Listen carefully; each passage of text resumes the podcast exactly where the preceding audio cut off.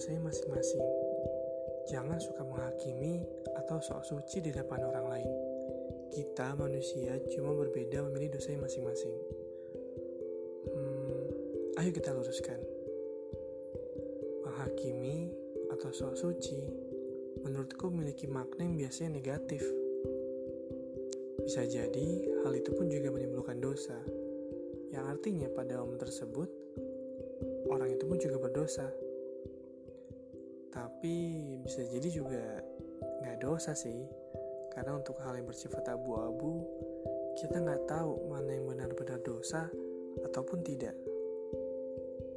Karena ini bukan tentang jangan suka menghakimi atau sok suci.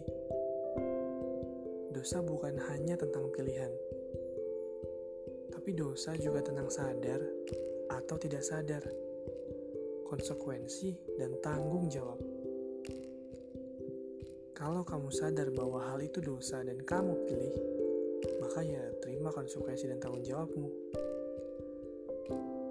Kalau kamu nggak sadar bahwa hal itu dosa dan kamu lakukan, ya terima juga konsekuensi dan tanggung jawabnya.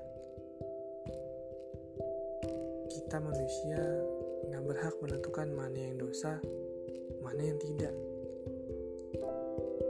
Ada orang bijak berkata, sesama murid tidak bisa saling mengisi rapot.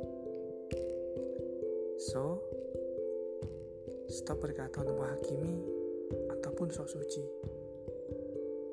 Cukup diam dan pahami.